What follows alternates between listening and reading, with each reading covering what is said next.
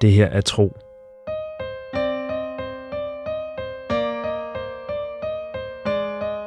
En eventyrlig podcast fortælling i 55 afsnit.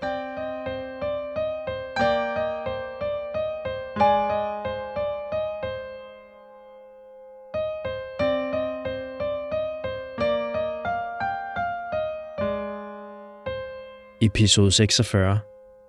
De tilkaldte. Tro ligger på sit leje i deres lille hytte.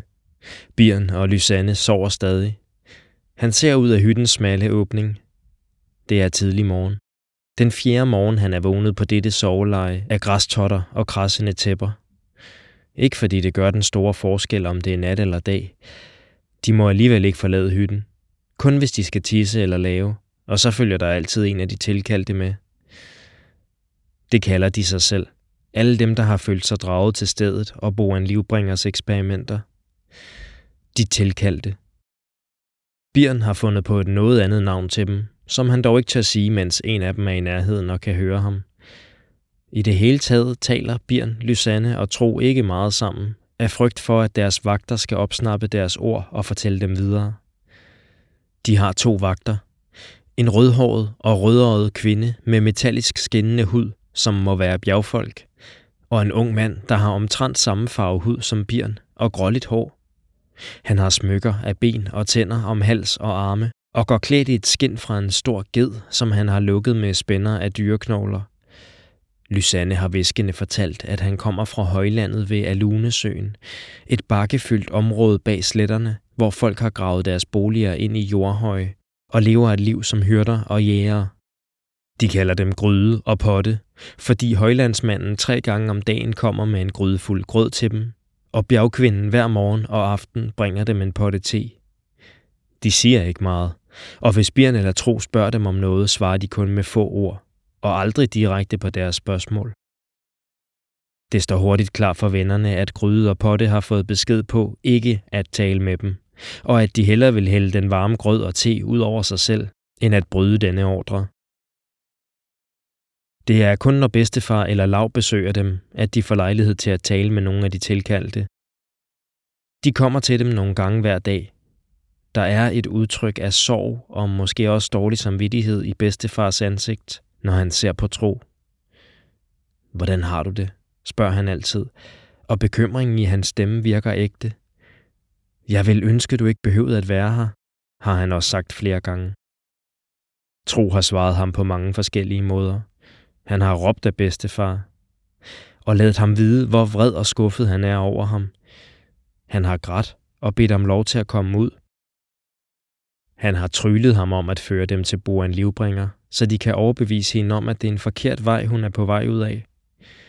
Han har endda forsøgt at virke, som om han selv er blevet overbevist af hendes arbejde og gerne vil lære mere om det, bare for at blive lukket ud af den lille hytte – men lige meget hvordan han har opført sig, har bedstefar svaret ham med den samme sørgmodige bekymring. Nu skal du ikke være her så længe endnu, min tro, har han sagt til ham. Jeg kommer snart tilbage. Og så har bedstefar forladt ham igen. Deres hytte ligger nær den store bygning, hvor de lange slanger fører hen. Og Tro har mange gange set ham gå direkte ind i denne bygning, efter han har besøgt ham. Tror du, han går til Boren Livbringer og fortæller om os? har Bjørn spurgt ham, og Tro har trukket på skuldrene. Bedstefar har jo fortalt dem, at hun arbejder på sin konstruktion dag og nat og ikke må forstyrres. Men for en sikkerheds skyld fortæller Tro ikke bedstefar særlig meget om deres rejse hertil, eller de opdagelser, han har gjort undervejs. Selvom han har lyst til at dele historierne om livets vej, høvdingens sal og de mange dage i Feras kære med ham. De har allerede sagt for meget. Lav kommer fortrinsvis for at se til Bjørn. Han har nogle gange lidt ekstra med til ham. Et stykke nybagt brød eller kød, der stadig er varmt og glinser af saft efter tilberedningen. Men Bjørn vil ikke have sin grandonkels gaver, og han virker heller ikke synderligt interesseret i hans besøg. Han sidder med korslagte arme og stiger ind i væggen og svarer kun på enkelte spørgsmål, og hurtigt bliver tavsheden for meget for lav, som undskylder sig og forlader dem igen. Der går dog ikke længe, før han finder en lejlighed til igen at komme forbi deres hytte. Ved et af Lavs besøg tog Tro sin hånd i lommen på vesten og mærkede på skovhjertet. Han vil vide, hvem der skal have det, når han står over for denne person, har han fået at vide. Og derfor holdt Tro om smykket og prøvede at koncentrere sig om at mærke, om det mon var Lav, som træernes moder havde ment. Men ligesom i drømmen, hvor Lav rystede på hovedet, da Tro rakte skovhjertet frem mod ham, fik Tro en fornemmelse af, at det ikke var Lav, han skulle give det til. Og godt det samme, for han har meget lidt lyst til at give skovmanden så særlig en gave, nu hvor han har været med til at tage dem til fange. Tro er glad for at mærke denne trodsighed over for Lav hos Bjørn. Han husker tilbage på deres ankomst til Naualienes observatorium, da de stod ved det lille vandhul, og gryde og potte og flere andre tilkaldte pludselig trådte frem fra de hule træer på et eller andet hemmeligt tegn fra Lav eller bedstefar. De havde ikke andet valg end at følge med dem hen til hytten, og her forstod de hurtigt, at de ville blive tilbageholdt på ubestemt tid. På det tidspunkt frygtede Tro, at Bjørn ville synke ned i et af sine mørke huller. Men skovdrengen virker langt fra til at have givet op. Tværtimod har Tro flere gange set ham undersøge hyttens vægge eller holde øje med gryder på det, og Tro er sikker på, at Bjørn i sit stille sind forsøger at regne ud, hvordan de kan slippe bort fra dette sted. Men hytten er bygget af sten og strå, der er holdt sammen af hårdt lær, så skovdrengens evner til at forme træ kommer ham ikke til gode. Og deres vagter forlader kun hytten en sjælden gang imellem, og kun når området foran hytten er fuldt af andre af de tilkaldte.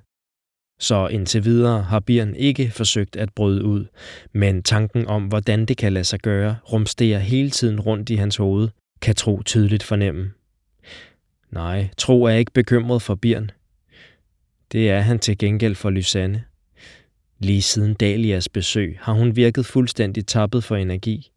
Hun ligger på sit leje med ansigtet ind mod muren, og når de prøver på at tale med hende, svarer hun kun sjældent og kun kortfattet, så det gør de ikke så ofte. Det var på deres anden dag i hytten, at de kunne høre en samtale mellem en kvinde og vagterne udenfor. Lysanne spidsede ører som om stemmen virkede bekendt, og ganske rigtigt trådte en ung vandkvinde nu indenfor. Ligheden med Lysanne var så slående, at Tro og Birn med det samme var klar over, hvem hun var. Dalia, råbte Lysanne og sprang op. Hun kastede sig om halsen på den ældre pige, som gengældte hendes omfavnelse med et bredt smil. Lille pade, sagde hun. Lysanne udstødte den mærkværdige, gurglende, skurrende lyd, som Tro og Birn var blevet klar over var hendes latter. Det kunne du kalde mig, da jeg var helt lille, og kun lige havde lært at bevæge mig i vandet. Nu svømmer jeg bedre end dig. Hendes storesøsters latter mindede om Lysannes, bare lysere, nærmest som rislende kildevand. Ikke bedre end mig, og ikke hurtigere. Nå ikke. Få mig ud herfra, så vil det bevises af mig, der kom et mørkt udtryk i Dalias ansigt. En lok sølvskinnende hår faldt ned foran hendes øjne, da hun bøjede hovedet. Hun så ned, mens hun svarede. Det kan jeg ikke. Så løftede hun hovedet. Du skulle ikke være kommet her. Lysanne så ud, som om hun var ved at græde. Jeg kom for at finde dig.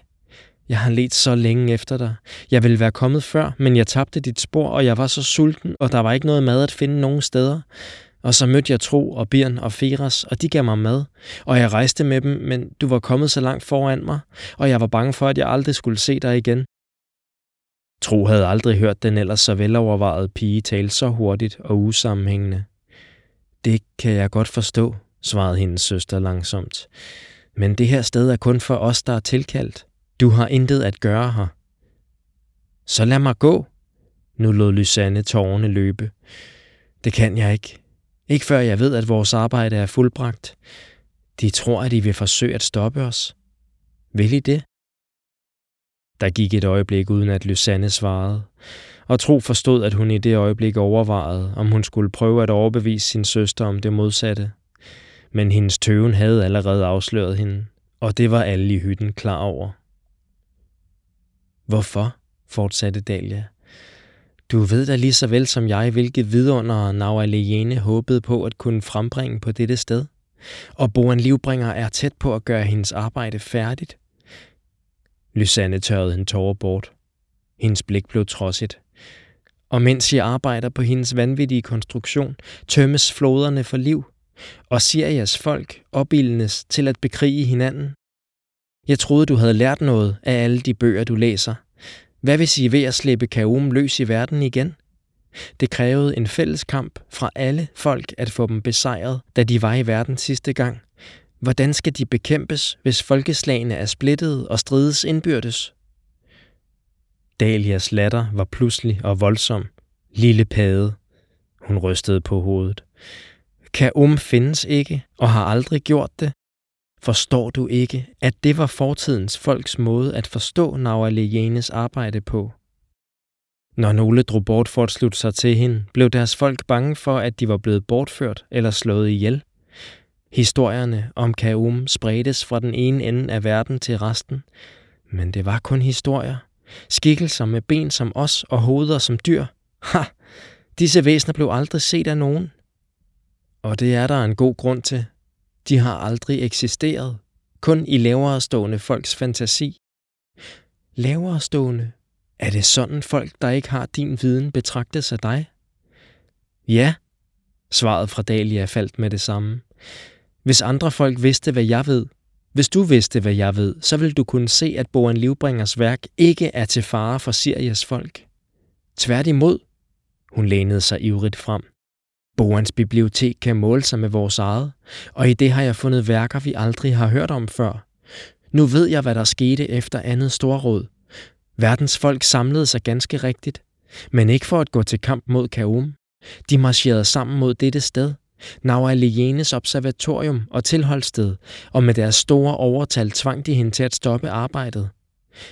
Hendes konstruktioner blev ødelagt af dem, og mange af hendes bøger blev brændt, og de vedtog ikke at skrive noget ned om det, der var foregået, af frygt for, at kommende generationer skulle genoptage hendes arbejde. Og det er godt det samme, at hun blev stoppet, tilføjede Dalia bestemt, for hendes tanker om jordens salte var nok banebrydende for sin tid, men opbygningen af verdens energier var ikke blevet fuldstændig forstået af hende, og der var ganske rigtigt en fare for, at hendes arbejde kunne medføre mere skade end gavn. I modsætning til Boren Livbringer. Her brød Birn ind. Hvordan kan du vide noget om Naualienes arbejde, når fortidens folk ødelagde hendes konstruktioner og brændte hendes bøger? Dalia kiggede forundret på Birn, som om det ikke var gået op for hende, at der var andre i hytten end hende selv og hendes lillesøster. Viden forgår ikke så let, svarede hun.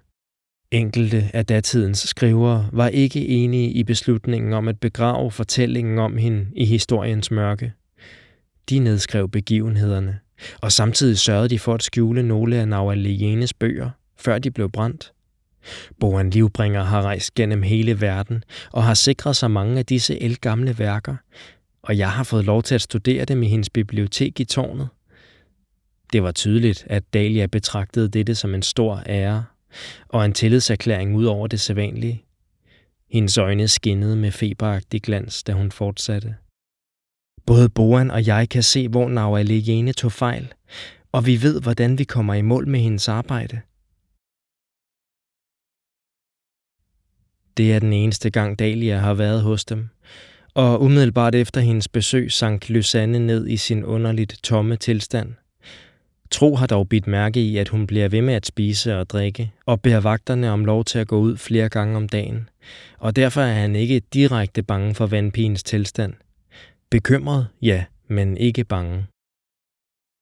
Mellem de korte besøg fra lav og bedstefar og gryde og pottes regelmæssige servering, befinder Tro, Lysanne og Birn sig alene i hytten. Gennem åbningen kan de fornemme aktiviteten udenfor, som er stor på nærmest alle tidspunkter af døgnet. Det virker til, at de tilkaldte ikke sover meget, eller også arbejder de på skift, for selv om natten kan man høre stemmer fra forbipasserende og se skæret fra deres lygter. En enkelt gang, hvor Tro ikke kunne sove, fordi han skulle tisse, fik han lov til at gå ud i nattemørket og lagde straks mærke til, at der kom lys ud fra huller, både i de store bygninger og øverst oppe i det høje tårn. Flere nætter har han drømt, at bedstefar kommer hen til ham, smilende og klar til at omfavne ham. Men for hvert skridt, han kommer tættere på, virker han svagere og mere sammensunken, og til sidst er han helt nede på sine knæ, Han falder om og rækker ud mod Tro, men når ham lige akkurat ikke. Da Tro knæler ved ham og ser nærmere på ham, kan han se mørke skygger klæbe til bedstefars krop, og han er sikker på, at det er dem, der suger livet ud af ham. Når morgenen kommer, kan han stadig se sin bedstefars livløse krop for sig, og han bliver lettet, når den gamle mand kommer for at besøge ham. Men han bemærker samtidig, at bedstefar ser tyndere og ældre ud for hver dag, der går. Indimellem synes Tro, at han langt borte kan høre den truttende lyd fra lærsnuder, der kalder på hinanden, og han ser hurtigt hen på Bjørn for at se, om han har lagt mærke til lyden.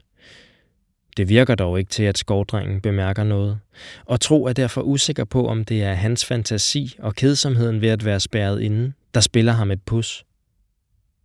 En enkelt gang har han hørt Gryde og Potte tale med en forbipasserende om folden bag kedelhuset, og det har fået ham til at tænke over, om de tilkaldte har lærsnuder gående. Det vil forklare, hvordan de fik slæbt træstammerne fra floden og op til bygningen med kedlerne på taget.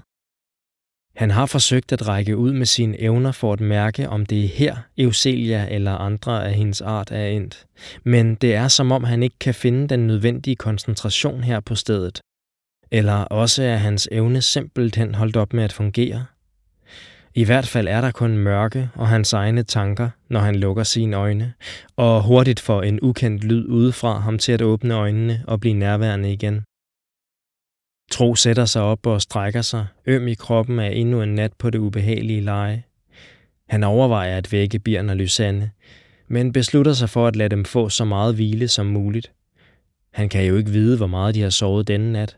Og måske er dette dagen, hvor de bliver lukket ud af hytten. Og så får de brug for at være så udvilede som muligt og klar til at møde, hvad der venter dem. Nå, er det her, I siger, I gemmer dem? Spørger en stemme lige uden for hytten. Tro bliver på en gang lettet og bekymret, for han kender den stemme, og ganske godt skulle han mene.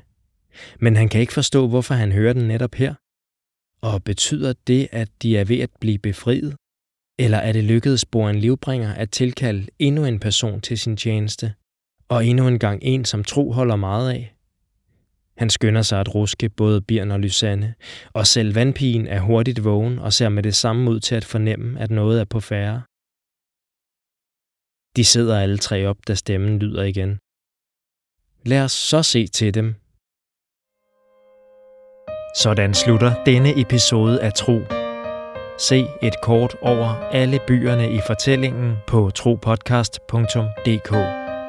Her kan du også se Christian Funders flotte illustrationer. Tro er skrevet, indtalt og produceret af mig. Jeg hedder Mikkel Prytz, og jeg håber, du vil lytte med næste gang.